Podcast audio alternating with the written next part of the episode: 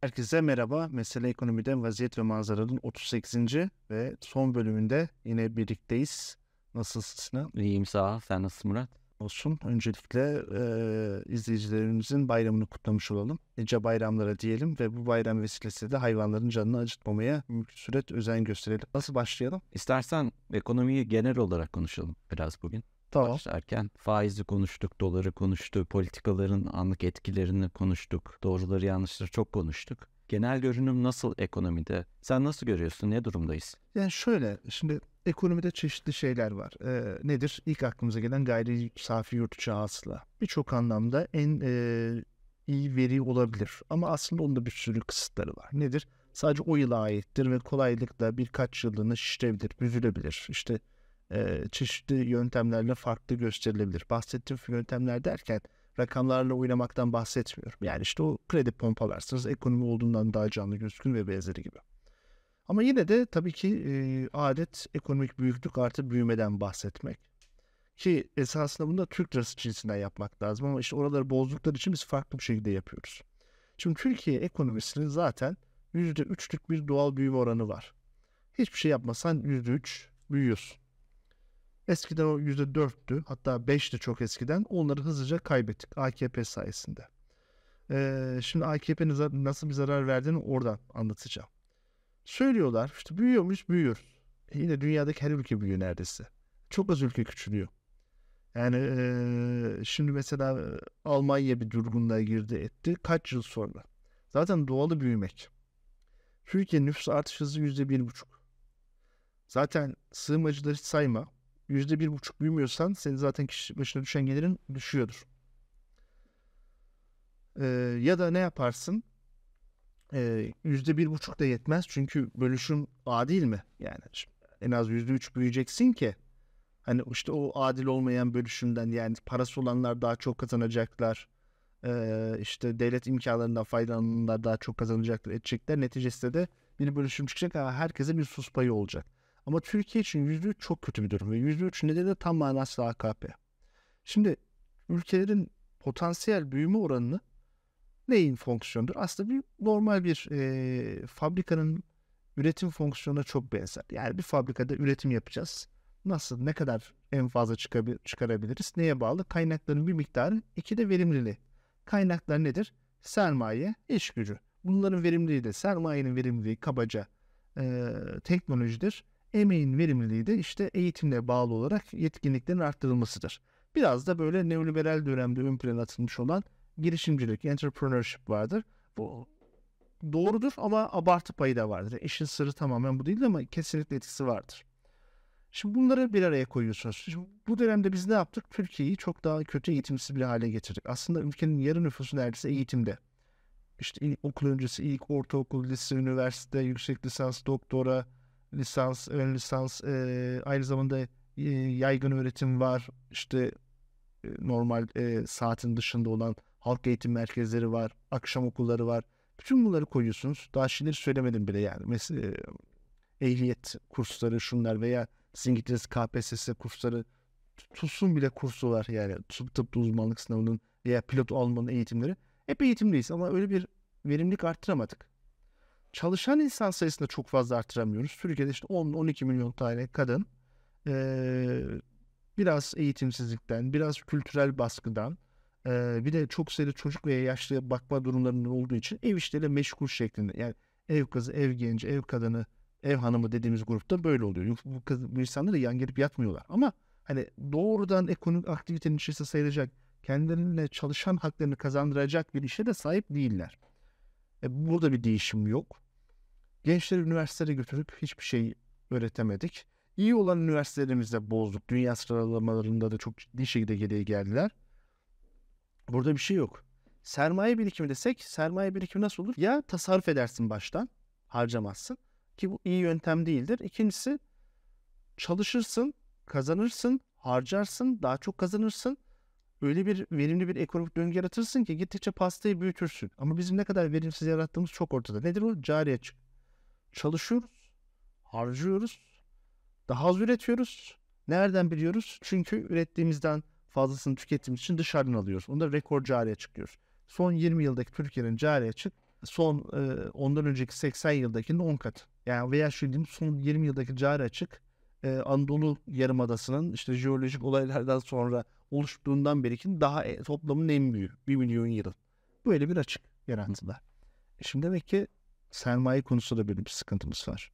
Sermayenin verimliliğinden bahsedeceğiz. Devlet mekanizması daha mı verimli işliyor eski geçmişe göre? Veya özel sektör daha mı verimli işliyor? Özel sektör gidiyor dolaşıyor herkes inşaat yapmaya çalışıyor. Özel sektör sadece kar odaklanmış durumda. Bahsettiğim şey şu değil. Sosyal sorumluluk projeleri yapsınlar, etsinler. O değil. O olur olmaz. O ayrı bir şey. En doğru yerlere yatırımları kaydıramadılar. Mesela Türkiye'nin hala ee, bir petrokimya tesisi eksiği var. Ne demek bu? İşte iki sonra belki petrol çağı bitecek ama plastik çağı bitmeyecek. Veya bir sürü tıbbi cihaz için bile bunlar kullanılıyor ediliyor. Aksamlarda biz bunları kullanacağız. Niye biz 20 yıldır bir tane daha petkim yapmadık? İşte bütün bunlar şu anlama geliyor. Biz üretim fonksiyonumuzu geliştiremedik. O yüzden de bizim büyüme potansiyelimiz düştü. AKP'nin gerçek anlamda bize verdiği zararları buralarda göreceğiz. Evet diyeceğiz ki yani biz eskiden çok da bir şey yapmadan yüzde üç büyüyorduk. Şimdi niye iki büyümeye başladık? Niye bir büyüdük? Çünkü işte bugün iyi eğitemediğimiz nesil, bugün iyi kullanamadığımız sermaye, bugünkü yanlış ekonomi politikalarının öyle uzun vadeli sonuçları var. Ama bir de kısa vadeli sonuçlar da var. Onları da konuşalım. Şimdi kur korumalı mevduat. 130 milyar dolar civarındaki bir paraya ciddi bir garanti verdiniz. Bir. İkincisi devletin ekonomi alanındaki bütün kurumların içerisine ettiniz. Daha önceki yayınlarda anlatmıştım. Ekonomide e, bürokrasi üç parça vardır. Bir merkez bankacılar, iki planlamacılar, üç de maliyeciler. Hazineciler oralardan çıkmadır. Bu üç grupta. Bunların içi e, bozdunuz. Doğrusu bir DPT'miz yok. Geçmişe kıyasla bunlar olmadığı için hükümet birçok şey yapabiliyor. Mesela ne diyoruz? Merkez Bankası'nın bağımsızlığı. Bana kalırsa laf. Merkez Bankası'nın kurumsallığıdır önemli olan. O kurumsallık olunca bağımsızlığa gerek yok. Zaten bu anlamsız kararlar alınmaz. Alınamaz. E peki o kurumsallık niye bizde yok edildi? Ne, de, ne dediler? Daha en başta Özal çok söylerdi. İşte yok bürokratik vesayet, oligarşi şu bu bilmem ne. E, canını okudunuz bunlar monşerleriniz, beyaz Türkleriniz. Şimdi önünüze önüne geleni büyükelçi atıyorsunuz. Biraz İngilizce bilen, kendinize yakın yandaşları büyükelçi atıyorsunuz. Bak şimdi mesela Merkez Bankası baş, başına eğitimli gayet başarılı bir kadın geldi. Ama hiç Merkez Bankasıcılığı hakkında bilgisi yok. O yüzden zaten geçen çıkmış toplantıda konuşmuyor. Dinleyeceğiz, şey edeceğiz. Şu daha çalışıyor derste. Çünkü ekonomi ve finans çok geniş bir alanlar. Yani bir tarafı iyi bilen diğer tarafı bilmeyebilir. Bazen beni de arıyorlar mesela bir kanaldan yorum alıyorlar. Yani güzel kardeşim benim hiç alakamın olmadığı bir yer. Hani genel geçer tabii ki bir şey biliyorum. Tabii ki mantığım var ama onun bir sınırı var. Senin burada arayacağın uzman başka biridir. İşte o buradaki Hafize Gaye Erkan ataması için de geçerli olan bir şey.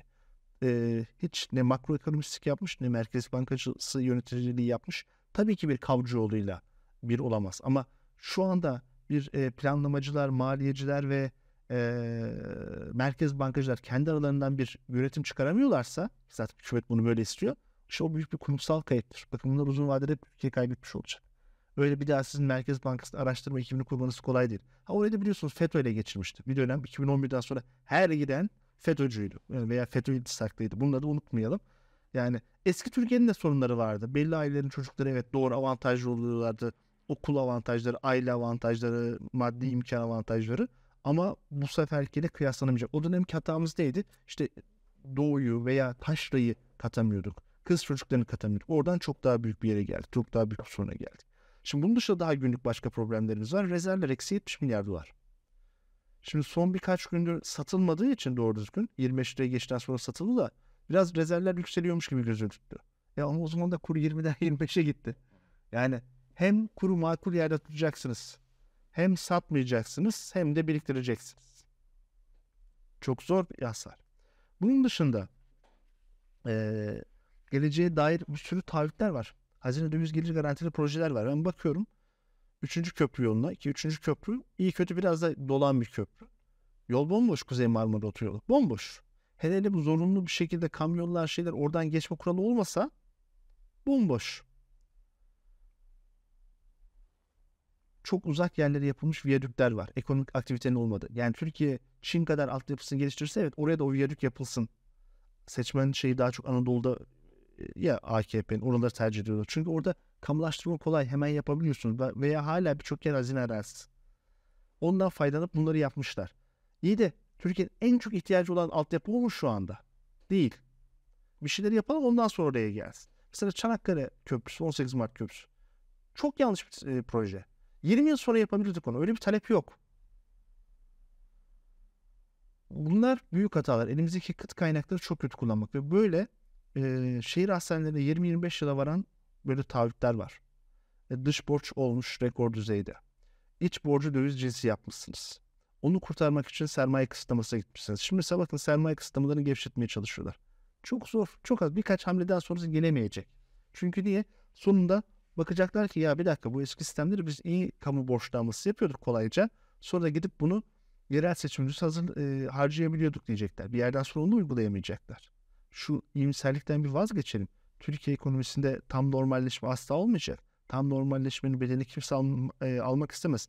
Tam normalleşme ne zaman olur? Anormal gitmek artık bütün imkansız hale geldiğinde. Burada da işin sınırını belirleyen sizsiniz vatandaşlar. Nasıl?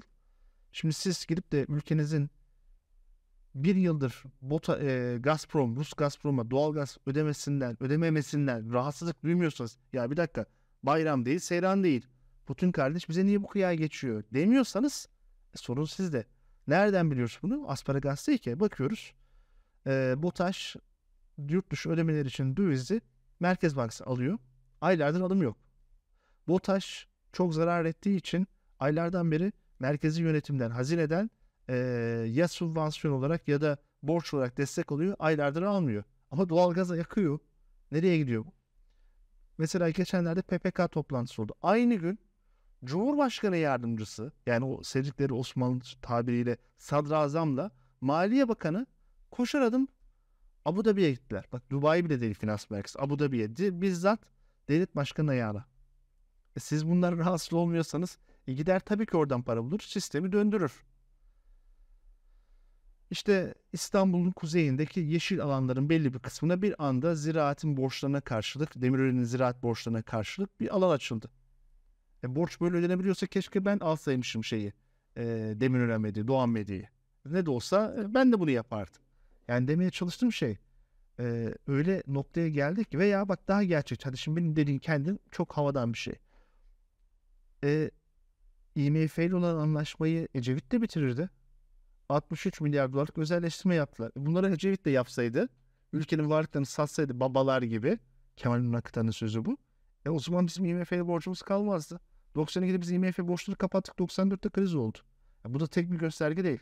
Şu anda Türkiye'nin IMF borcu yok ama açık ara tüm zamanların en büyük e, dış e, dış borcuna sahibiz. Böyle bir hale gelmişiz. Liralaşma diyoruz zoraki İTKK şey yapıyoruz. Ona rağmen hala mevduatların önemli bir kısmı dövizde yetmiyor. Devlet döviz cinsi ihale yapıyor. Niye şehir hastanelerine TL cinsi ihale yapmıyoruz? Yani dolarizasyon üzerindeyiz. Özetle ee, şimdi buradan Arjantin tarafına bağlayacağım. AKP'nin bize iki tane büyük zararı oldu. Bir, o çok uzun vadeli potansiyelimizi mahvetti. Bakın şeylere girmiyor politik konuları. Yok işte sığınmacılar geldi, yok yolsuzluk oldu, Yok işte hukuk, adalet bunlar bozuldu. Onlar da o programın içeriğine girmiyor. Onları bir kenara bırakıyor. Aslında ilişkili ama o zaman saat sabah kadar yapmamız lazım. İkincisi kısa vadedeki bu potansiyelde işte KKM, döviz rezervlerinin satışı, sermaye kısıtlamaları, bankaların içerisinde zorluk krediden alındırılması. Devlet bankalarının içerisinde ne olduğunu bilmiyoruz. Yani Türkiye ekonomisinde gerçekten yüzde iki buçuk batı kredi ne olabilir mi?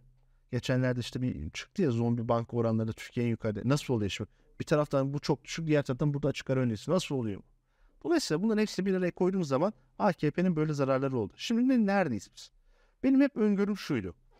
Bazen de böyle iğneliyorlar tutturamadınız gibisinden. Onu da anlayamıyorum. Benim öngörüm en başından beri bizim seçimi kazanacağımıza ilişkindi. Ben ee, 7 Haziran'da bile seçimi kazanacağını hiç düşünmemiştim. 1 Kasım'da şaşırmamıştım. 2018'e hiç şans vermiyordum. İlk turda Erdoğan'ın kazanması gerektiğini düşünüyordum. 2019 yerel seçimlerinde Ankara'nın, Adana'nın belli illeri kazanılacağını düşünüyordum ama İstanbul'u beklemiyordum. Yani iyimser bir insan değildim genel şeye bakış açısına göre. Ama bu sefer çok inanıyordum. Ama bizim hesaba kattığımız katmadığımız çoğu nedenden ötürü adaya bağlarsın, şuna bağlarsın, bilmem neye bağlarsın bir şekilde kaybettik bu seçim. Hem de kötü kaybettik. Yani parlamentoda hiç alınamadı. E, gayet rahat e, Erdoğan ilk turda büyük bir fark attı şudur budur. Burada zaten bence en büyük sorumlu sorumlu anket şirketleri. Anket şirketleri eğer doğru ölçümleri daha önceden yapsalardı ona göre bütün stratejileri her şey değişebilir. Ona göre biz de bütün senaryolarımızı daha e, tekrar kurgulayabilirdik. Ama şunu söyleyeyim, siyasi, e, ekonomiye bağlayacağım kısmı şu. Kasım Aralık'ta biz dolar kurunu 10 liraya geçirdikten sonra e, müth- yarattığımız müthiş döviz kuru şokuyla iki şey sonuç yarattık. Bir, müthiş bir enflasyon sarmalı. Yani ne yaparsanız yapın enflasyon hep yukarıdan gidecek. Bu sene de %50-60'da kapatırız. Senede 3 hanelere gitme ihtimalimiz gayet de var. İkincisi finansal istikrar yitirmek üzereydik. KKM sayısı tuttuk. Bir grup affedersiniz ama ahmak diyeceğim. KKM'yi savunuyorlar. Ya güzel kardeşim KKM savunulabilir bir şey mi? Bir kere KKM'nin ilk ödemeleri ödeneksiz yapıldı. Bütçede yeri bile olmadan ödenek yapıldı. Bir kere burada bir suç var. İkincisi sen finansal istikrarı korumak için faizi doğru yere konumlandırırsan sonrasında bir dış şok olur. İstanbul deprem olur. Küresel finansal kriz olur. Bu müthiş bir döviz talebi yaratır. Aynı zamanda senin cari açığın artar şu olur. Böyle şeyler olur. Sonra ek olarak maliye politikasının bu tehlikeli ama öyle bir koşulda gerekli olabilecek silahını kullanırsan durup dururken adam sırf Cumhurbaşkanı seçildi diye ekonomi e, teorisinde olmayan bir şeyi denemeye kalkıyoruz. Tutmayınca KKM yapıyoruz. Sonra bir grupta şak şakçı bunu alkışlıyor. E cebinizde bakın bu, bu sene muhtemelen KKM'ye artık hazinede pek kalmadı ya en az 500 milyar lira ödeyeceğiz senencisi. Peki nasıl olacak? Enflasyon artacak. Aa bir dakika. KKM'nin yükü enflasyonda bütün topluma bindiriliyormuş ya. Aa KKM muhteşem bir silahmış da bizi kurtarmış değilmiş. Durup dururken ülkeyi sokmuşuz buraya. Unutmayalım devletlerde kurumsallık vardır. Ee, Cumhurbaşkanı seçildiniz diye yer çekimi yok diye fizik kitabına yazamazsınız. Yani o faiz sebep enflasyon netice gibi şeyleri yazamazsınız, uygulayamazsınız ama uygulandı. Ve işte bu KKM'ler oldu. Şimdi buraya bağlayacağım nokta şu. Türkiye 2021 Aralık'tan sonra artık yarı Arjantinleşme dediğim döneme geldi. Tam da öyle gitti. Artık bir enflasyon sarmalında mesela artık fark etseniz şöyle konuşmuyoruz. Dolar 10 lira mı 12 lira mı 25 lira artık önümüz hep açık. Geçen de, değil mi bir işkembeden bir hesap yaptım. Yarı rasyonel yarı işkembeden bir hesap. Böyle kalırsa Erdoğan böyle devam ederse 5 yıl işte arada daha sert daha yumuşak politikalar böyle 5 yıl sonra dolar kuru 460 liraya gelebilir. Saçma sapan bir rakam diyorsun. Hayır artık enflasyonda büyüme modeline geçtik. E tam ne güzel hocam işte büyüyelim. Şimdi iki tane sorun var. Bir, herkesin maaşı enflasyon oranında artmıyor. İki, enflasyon doğru ölçülmüyor. Üç, günlük yaşam giderlerimizin dışında da enflasyon etkilediği şeyler var. Ne var? Varlık fiyatları. Şimdi enflasyon diyelim ki gitti son 3 yılda %300. Gelişi güzel söylüyorum rakamları. Konut fiyatları %700 gitti. E benim evim yoksa ben yandım bittim. Ben 10 yıl önce ev almaya karar verdim. Çalışmaya, para biriktirmeye başladım. Bankaya paraları koydum. 5 yıl geçti. Sadece 5 yıl kaldı ev almama. Mutluyum. Bir baktım ki 12 yıl kalmış. 7'ye gitmiş. Çünkü ev fiyatı o kadar yukarı gitmiş ki ben ancak 12 yıl daha çalışırsam alabiliyorum. Ya bir dakika 5 yıldır ben çalışıyorum. Ne oldu? Öyle. Şimdi siz böyle saçma sapan ekonomi politikaları uygularsanız ve buna bir de toplum içerisinde de şarkçakçılar bulursanız ne olur sonucunda? İşte böyle fiyatları olur. Varlık fiyatları olur. Demek ki neymiş?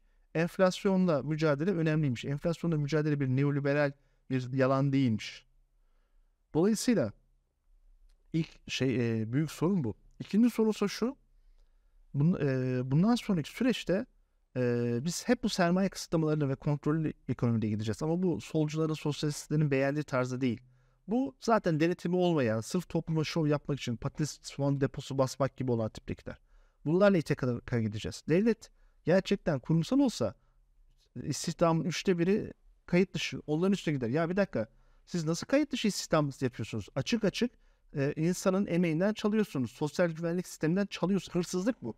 Bu ahlaksızlık, bu suç. Böyle benim böyle sert tondan konuşmuyorum. Kanuna göre böyle günlük hayatta bu normalleştirilmiş olabilir ama kanunen böyle. Ticaretteki birçok insan buna göz yumuyor. Çalışan da göz yumuyor çünkü iş bulması lazım. Diğer tarafta kötü niyetli olmayan işveren de buna göz yumuyor. O da şundan diyor. Abi ben nasıl rekabet edeceğim o zaman diyor. Tamam kardeşim hepiniz haklısınız da e bunların hepsini yapanlar ne olacak? Değil mi? Ya böyle bir ekonomi gidebilir mi? Günün sonunda gelecek birileri emekli olacak. Emekli olduğu zaman nasıl, nereden ödeyeceksiniz? Bunları unutmayalım. Özetle ee, bu sistem böyle devam ettirilecek. Ben Kasım Aralık 2021'den beri Türkiye'nin yarı Arjantinleşme içerisinde olduğunu düşünüyorum. Kur hep gidecek, enflasyon hep gidecek. Ee, bu sermaye kısıtlamaları, kontrolleri her zaman iyi kötü olacak. Ee, ama sonunda Türkiye 90'larda çok bunu yaşamıştı. Ya ani duruş olacak yurt dışından para tamamen durduğu zaman ki CDS'ler 900 o yüzden çıkmıştı. Ya da kredi sıkışması, kredi crunch dediğimiz şey ne yaparsak yapalım bankalar, devlet bankaları dahil kredi veremeyecek duruma gelecekler. Ee, şimdi görelim bakalım biraz daha normalleştirsinler. Biraz daha böyle kredi faizleri tamamı ticarileri de verilenler %40'ları çıksın. Bakalım ondan sonra ne oluyor? Bu işler sıkışacak. Özetle Türkiye artık yarı Arjantinleşme içerisinde. Seçime dönersek seçimi bağlayacağım şey şu. Ben bu yarı Arjantinleşme döneminden Arjantin olma patikasına girmeden bu seçmeni kazanacağımızı düşünüyordum. Ve çok inançlıydım. Çok da emek verdim. Risk aldım. Elimden geleni yapmaya çalıştım. Sizin yani kamera önünde beni izleyenlerin bildiği kadar arka taraftan elimden gelince bu işlerde kritik etkin olan insanlara dair kendi e, bilgimi kullanarak etkilemeye, onlara destek olmaya, onlara bir şeyler aktarmaya çalıştım. Ama başaramadık.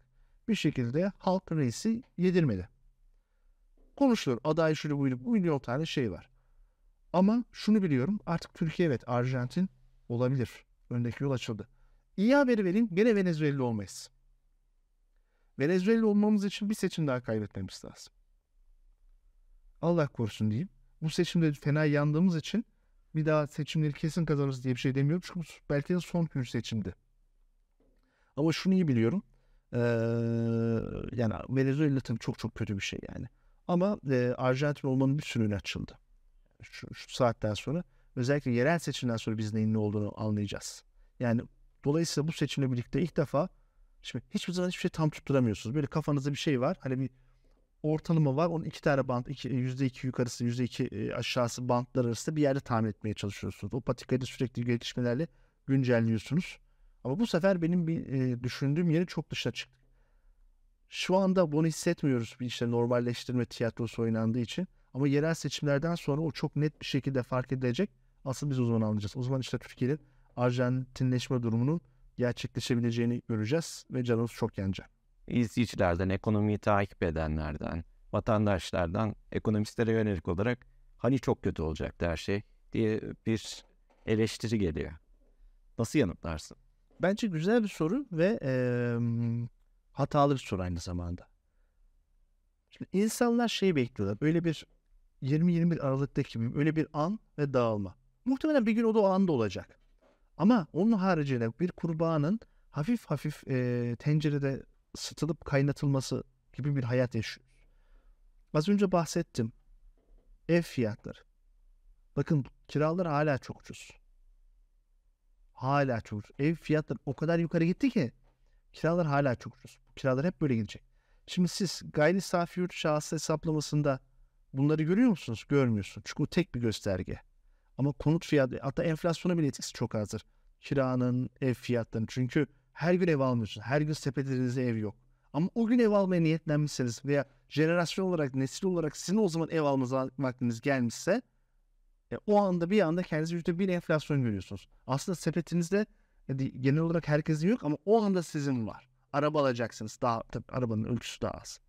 Dolayısıyla bunları bozdular. Sadece bu mu? Başka şeyler de var. Mesela örneğin e, enflasyonla enflasyon sarmaları arasındaki farkı az önce anlatmıştım. Bizim bundan sonra sürekli yüksek enflasyonda olmamız, enflasyonda borçlanabilenlerle, borç düşük faizle borçlanabilenlerle borçlanamayanlar veya ücretlerini enflasyona karşı koruyabilenler koruyamayanlar arasında müthiş bir gelir adaletsizliği olacak. Siz bunu dikkate almıyorsanız bence büyük bir problem. Ne demek bu? Şimdi mesela asgari ücret yılbaşından beri 5500'den 11.400 liraya çıktı. %107 kadar artış. Peki her sektörde böyle bir artış var mı? Memurlarda var mı? Emeklilerde var mı? Ee, özel, özel sektörün nitelikte mavi yakasında veya beyaz yakasında var mı? Yok. E dolayısıyla ne olmuş oldu? Siz buradan müthiş bir yoksulluk yaratmış oldunuz. İlla bankaların batmasına, devletin moratorium ilan etmesine gerek yok. Ha bu arada devletin moratoriuma gittiği dönemlerde oldu. Mesela deniyor, çok konuşuluyordu işte E, Ekim Kasım'da artık dolar tutulamaz diyordunuz. E, tutulamadı zaten. Bugün tutulamadı ama sorun şu. Sermaye kontrolü geldi. İki tane parçalı bize sermaye kontrolü geldi. Bir geçtiğimiz yılın Haziran'da bir de Ekim'inde. O yüzden CDS'ler 900'den düştüler. Ben hep şunu diyorum. Dolar kuru hepsini tutarsınız. Ama birkaç tane şey aynı anda yapamazsınız. Yüksek büyüme, kaliteli büyüme.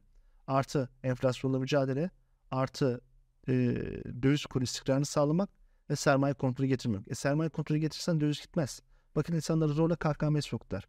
Yıl başında 73 milyar dolardı. Şimdi hadi diyelim ki 133 milyar dolar olsun. 60 milyar dolar geldi. O 60 milyar dolar size geri sattılar. Haberiniz yok.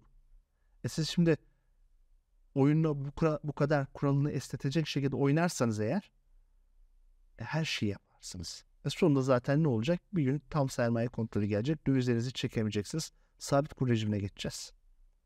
Dolayısıyla bizim öngörülerde bir hata yok. Sizin hiç toplumun hiç bunlara tepki çıkarma vermemesi var. Biz bunları söylüyoruz. Raporlarda hep en altta bir disclaimer kısmı olur. Hani şu şu koşullarda bu olmayabilir. Bunları dikkate alın diye. Biz burada bunların hepsini detaylı anlattık. İdrak yeteneği olan da anladı. Ama art niyetli olanlar anlamazlar. Daha önemli bir şey var orada. Şunu unutmayalım. Elinde sonunda bu sistem 90'lı yıllarda gördüğümüz gibi duvara çarpacak. Çarptığı zaman yani o korktuğumuz şey olacak. Zamanlamayı biz de bilemiyoruz, edemiyoruz. Çünkü işte yurt dışı gelişmeler bir anda Ukrayna Savaşı işleri zorlaştırabiliyor, ters kolaylaştırabiliyor. Pandemi gibi yüzyılda bir görülmüş şeyler var veya işte depremin yarattığı sonuçlar şudur budur. Ama şunu iyi biliyoruz. En sonunda hikaye buraya gidecek. Bu bir. İkincisi daha önemlisi bence şu andaki yarattığı tahribat bile yeterli. Yani ben Katar'a, Birleşik Arap Emirlikleri'ne, Rusya'ya niye bu kadar bağlıyım? Ben geleceğe ilişkin devlet bütçesine niye bu kadar taahhüt vermişim? Ben niye işte bankalar, kamu bankalarının içerisinde bu kadar çok e, kirli krediyi koymuşum, yapılandırmışım? Siz bunları sormuyorsanız ev fiyatları bu kadar gitmiş. Ben hiçbir zaman ev alamayacak mıyım? Çocuğumu ev alamayacak mıyım? Bunları sormuyorsanız ben daha ne yapabilirim ki? Ha, eğer gene dediğim gibi şunu diyorsanız bir gün bu işin bankalara kadar uzanması, şirketlerin reel sektörün ciddi iflasa sürüklenmesi ve çok geniş işsizlik bence o da olacak. Eğer bu 5 yılı tamamlarsa bu da olacak. Ama ne zaman nasıl olur bilemiyorum. Ha bazen şöyle diyorlar. Ay arkadaşım bakın bu sürü güzel enstrüman yarattılar. Sonuçta KKM geldi bir dönem işte NDF'ler geldi. Yani işte swap kanalını kapattılar yurt dışı şundan da. Bir şey yap yapıyorlar diyorlar. Türkiye'de son 5 yılda e, yabancıların aldığı konut sayısı 255 bin. Bunun belli bir kısmı e, daha az ücretli. Belli bir kısmını aynı yabancı almış da olabilir. Ama son dönem tahminlerine göre bu şekilde 5 yılda 750 bin vatandaş gelmiş. Fiyatı ilk 1 milyon dolardı. Sonra 250 bin indirdiler. Kelepir oldu. Sonra 400 bin dolara çıkardı. Utandılar. İşin enteresan tarafı da anında vatandaşlığı alıyorsunuz ve ailece oluyorsunuz. Yani 400 bin dolara da değil aslında. 100 küsür bin dolara gidiyor gibi bir şey ortalamada. Şimdi böyle bir ortamda siz seçmen yaratıyorsunuz, dışarıdan para buluyorsunuz, vatandaşlığı satıyorsunuz, toprak satıyorsunuz. Siz ülkeniz Katar'a şuna buna ne ediyor belirsiz bir şeyde borçlandırılıyor. Geleceğiniz e, kredi garanti fonuyla da KKM ile de hazine döviz gelir garanti projelerle de e, güvencesiz hale getiriliyor. Bu esnada işte EYT'si şusu geçiyor ama ileride sosyal güvenlik açığında olacağını bilmiyorsunuz. Ama gençler olarak biz ödeyeceğimizi biliyoruz. Şimdi böyle bir ortamda biz ses çıkarmazsak her şey yapar. Bunlar muhteşem finansal zekanın ürünü şeyler değil. Özellikle uluslararası finans alanında olduğu için, döviz kurları bu tip şeyler olduğu için e, bunların hepsi zaten birçok ülkelerde var. Öyle müthiş bir finansal zekayla, e, mühendislikle elde edilmiş, yapılmış. Aa işte bak siz düşünemez. Öyle bir durum yok. Zaten bazen izleyicilerin öyle bir yorumlar oluyor ki gözümden çok düşüyor o kişi mesela diyor. Ha. Hani ne bildiğimizi bir bilse kendisini aslında ne kadar hiçbir şey bilmediğini anlayacak diye. Bunların hepsi olur ama siz ses çıkarırsanız olur. Ben hala anlamıyorum mesela Türkiye'de insanlar bir anda Mehmet Şimşek ve e, Hafize Gaye Erkan'a destek verdiler. Bence çok utanç verici bir davranış. Bir insan buraya Türkiye ekonomisini kurtarmaya gelmez. Yağmadan payını almaya gelir. Şimdi Gaye Erkan'a soralım. İstanbul Sözleşmesi hakkında ne düşünüyorsunuz? Gaye Erkan'a soralım. İktidarın ortağı Fatih Erbakan'ın 15-16 yaşındaki çocukları evlendirilebilir hakkında ne, ne düşünüyorsunuz? Gaye Erkan'a soralım. Siz bir Atatürk kızı mısınız? Eğer öyleyseniz Atatürk hakkında sayısız kötü laf etmiş insanlarla nasıl çalışıyorsunuz? Gaye Erkan'a soralım. Şahap Kavcıoğlu'nun politikalarını beğeniyor musunuz? Beğenmiyorsanız bundan sonra ekonomik koordinasyon kurulunda nasıl Şahap Kavcıoğlu'nun eliyle to tutup tokalaşacaksınız, sohbet edeceksiniz? Gaye Hanım, önümüzdeki yıllarda, aylarda her ay boyunca Merkez Bankası'nın KKM için yapacağı ödemeleri açıklayacak mısınız? Bunları niye ben söylüyorum? Ülkeyi kurtarmaya gelen bir insan zaten bunlarla çalışmaz. Tabii e, insan egosu bu işi şöyle anlatır. Ya ben gelmezsem daha kötüsü gelir. O yüzden de ben geleyim ülkeyi kurtarayım. Geç, geç arkadaşım. Bozuk bir rejimin aparatısınız günü kurtarmak için. Bir grup da girmiş e, Twitter'dan tebrik şeyi. Ha şu net Mehmet Şimşek, Gaye Erkan'ı girip de Nebati ile Kavcıoğlu'yu asla bir tutamazsınız. Yani bu çok büyük bir haksızlık olur onlara. Bilgileri ortada. Diğer tarafın da bilgisizliği ortada. Net ama gelme nedeni bu değil. Bakın güzel de bir film vardı. The Last King of Scotland diye tavsiye ederim. U- Uganda'daki şeyi anlatıyor. Bu tip rejimler nitelikli yurt dışındaki yabancı danışman ve kendilerinin geniş e, yani e, kendisini geliştirmiş yurt dışında yaşayan kişileri bulurlar, getirirler, o bozuk düzeni devam ettirirler. Severler böyle insanları recruit etmeyi, bulup almayı, işe sokmayı. Dolayısıyla o aparat olmayacaksınız. Bize de bu teklifler gelebilirdi. Belki de gelmiştir. Belki daha yüksektir, belki daha aşağısı. Veya ben şahsından bahsetmiyorum, başka insanlarda. Niye yapmıyoruz, niye dikkate almıyoruz? Çünkü şu andaki yapılan şeylerin hiçbiri Türkiye konusunu düzeltmek değil. Sadece bozuk rejim şu anda ekonomide çok kötü olduğu için sıkıştı. Yerel seçimi kazanmak için taviz vermek gerekiyordu. Bu yüzden bu yapıldı. Kimseyi ta- e, tebrik etmeyin. Tabii ki Kavcıoğlu, Nebahat'in, Albayrak'ın suçunu bu kişilerden çıkaramazsınız. Ama niyetlerine ne olduğunu unutmayın. Peki şunu da sorayım. Politik tercihler, politik beklentiler, kişisel siyasi analizler ekonomik yorumları etkiliyor mu? Nasıl Kesinlikle etkiler. Bunu da sanıyorum konuştuk daha önceki bir yayında da. Ee, sanıyorum seçim esnasında öncesi veya sonrasındaki bir yayında da etkiler. Ama ayırmanız lazım. Yani mesela ben iki tane Murat Kuveli olarak yorumları yapıyorum. Bir tamamen mesleki olarak yapıyorum. İki bir de e, toplumda bir siyasi dönüşme etki etsin diye yapıyorum. İkisini karıştırmamaya çalışıyorum. Dolayısıyla mesela kul korumalı mevduat ilk çıktığı zaman bunun çok etkili olacağını ilk söyleyen yazan kişilerden biriyimdir. Hatta muhalefete de çok tavsiye etmiştim. Bununla bir yapay bir istikrar oluşturulabilir. Bu süreç altında ne yapacağınızı iyi bir düşünün. Hani şey diye. Ama diğer taraftan e, tabi bunların zararları var. O zararları da anlatmanız lazım. Ama o zararlar sermaye kesimini ilgilendirmez. Yani benim iş yapacağım bir iş insanı veya bir şirket bir veya bir kurum şudur budur veya yabancı bir e, finansal kuruluş onun derdi halkın durumu değil ki. Ya sonuçta kapitalizm. Herkes kendi çıkarına bakıyor piyasa mekanizması içerisinde. Onları ayırmak lazım. Mesela Türkiye'nin CDS'i e, 500'den 1000'e gidebilir. Türkiye için kötü bir şey. Ama siz Eurobond almayı planlıyorsanız CDS'in 500 yerine 1000 olduğu yerde almak çok daha caziptir. Bunu müşterinize söylersiniz. Bakın çok güzel. Ama ülke mahvoluyor esnada. E ne yapacaksın? Yani ikisi farklı bir şeyler. Veya şu anda çok e, mesela KKM'yi daha cazip hale getirdiler. Nasıl oldu? Mevduat faizini serbestleştirdiler. Şimdi bunu söylemezseniz işinizi doğru yapmamış olursunuz. Ama bu ülkeye çok büyük zarar verecek. Benim en büyük avantajım bu. Ben iki tane kişi aynı anda çalıştırdığım için hem bir, tar- bir taraftan vatanseverlik görevimi yaptım hem de diğer taraftan kendi işlerimi götürdüm. Benim üzüldüğüm nokta şu. Biz burada bu riskleri alıp bunları anlatıyoruz. Diğerleri korkup müşteri tabanlarını geliştirirken biz buradan ciddi bir kendi ailemizin geçimini kazandıracak bir şey kazanamıyoruz. Emek veriyoruz. Artık tutuklanma riskimiz var. Mahkeme riski var. E, fiziksel şiddet riski var. Tehdit riski var. Ben Twitter'ımı açsam bir sürü ana avrat küfürle dolu. Herkes yazıyor da yazıyor. Yani şu ana kadar dava açsam 200'den 300'den fazla dava olurdu. Yalan söyleyenleri falan söylemiyorum. Küf edenleri sadece söylüyorum. E şimdi ben de o zaman bilirdim. Sadece kendi işimi ticaretimi yapardım.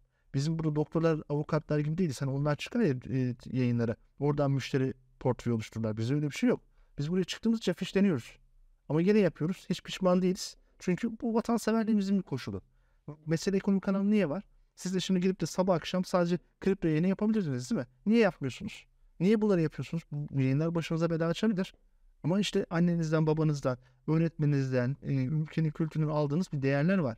Bunları, bunları karşı bir taraf olmak istiyorsunuz. Bazen e, kimisi gidiyor ki diyor ki siz çok siyaset konuşuyorsunuz. Ya güzel kardeşim seçim geçti bir anda faiz arttı. Seçimden bir önceki ay niye artmadı? Her şey çünkü siyaset haline gelmiş. Hani şunu diyen insanın biraz idrakından şüphe ederim ben. Az bile konuşuyoruz. Yani kahvehane gibi de konuşsak gelir. Ama yani ne oldu bir anda e, daha Kavcıoğlu Nebati gitti de Şimşek de Erkan geldi. Niye? Seçilmiş. Niye seçilmiş 3 ay önce olmadı? Veya niye madem bu ikili çok başarılı da seçimden sonra devam etmedi? Demek ki her şey siyasetmiş. Değil mi? Ben e, PPK toplantısının olacağı gün Cumhurbaşkanı Yardımcısı ve Hazine ve Maliye Bakanı'nın Abu Dhabi'ye gitmesini bunu politikadan arındırabilir misiniz? Oraya giden kişi e, Akbank, İşbank Genel Müdürü değil. E, Koç Holding Tüpraş Genel Müdürü değil. Giden kişi belli. E, bunu konuşacaksın yani siyasi şeyini. Şimdi şunu unutmayalım arkadaşlar. Herkes kendi güvenli taraf, rahat tarafından konuşuyor. Bir de şey vardır en tepe matraşlardan biri. Ya işte muhalif yayın organları da kötü. A Haber kötüyse Halk TV de kötü. Ya bunu diyen insan ahmaktır. Hiç lafını sakınmayacağım. Biliyorsun ahmak e, kelimesi e, artık bizim hukukta ve siyaset özel bir yeri var. İmamoğlu davası ötürü. Özellikle de bunu seçiyorum. Şu. Siz hiç ATV'nin sabah İstanbul Ali Beyköy'deki ultra lüks, sınırsız imkanlı yerine hiç gittiniz mi? Bir de bu bahsettiğiniz kanalların yerlerine gittiniz mi? O kanallarda çalışanların aldıkları ücretler, kullandıkları arabalar gördünüz mü? Bir de buraları. Şimdi mesela biz şey mi yap? Yayından önce geldik mi burada? Makyöz geldi. Hemen böyle pop pop pop şeylerimizi yap. Yok. Çünkü bunların hepsi büyük para. Çok büyük bir imkan. Bunların hiç- hiçbiri muhalif kanallarda yok. Yani Fox'tan itibaren başlıyor bunlar. Çünkü ümüklerini sıklar. Ama diğer taraf böyle değil ki. E sen geliyorsun çıkıyorsun. Bir de bir dakika. Sadece para mı? Para imkanı mı? Aynı zamanda ne var? Ee, güvenlik. Şimdi iktidarı sevdiğini söylemek yanlış bile çıksa ödül kazandırıyor. İktidarı sevmediğini söylemek doğru bile olsa sana bir e, adli baskı altına bırakıyor. Şimdi Necmettin Batırel.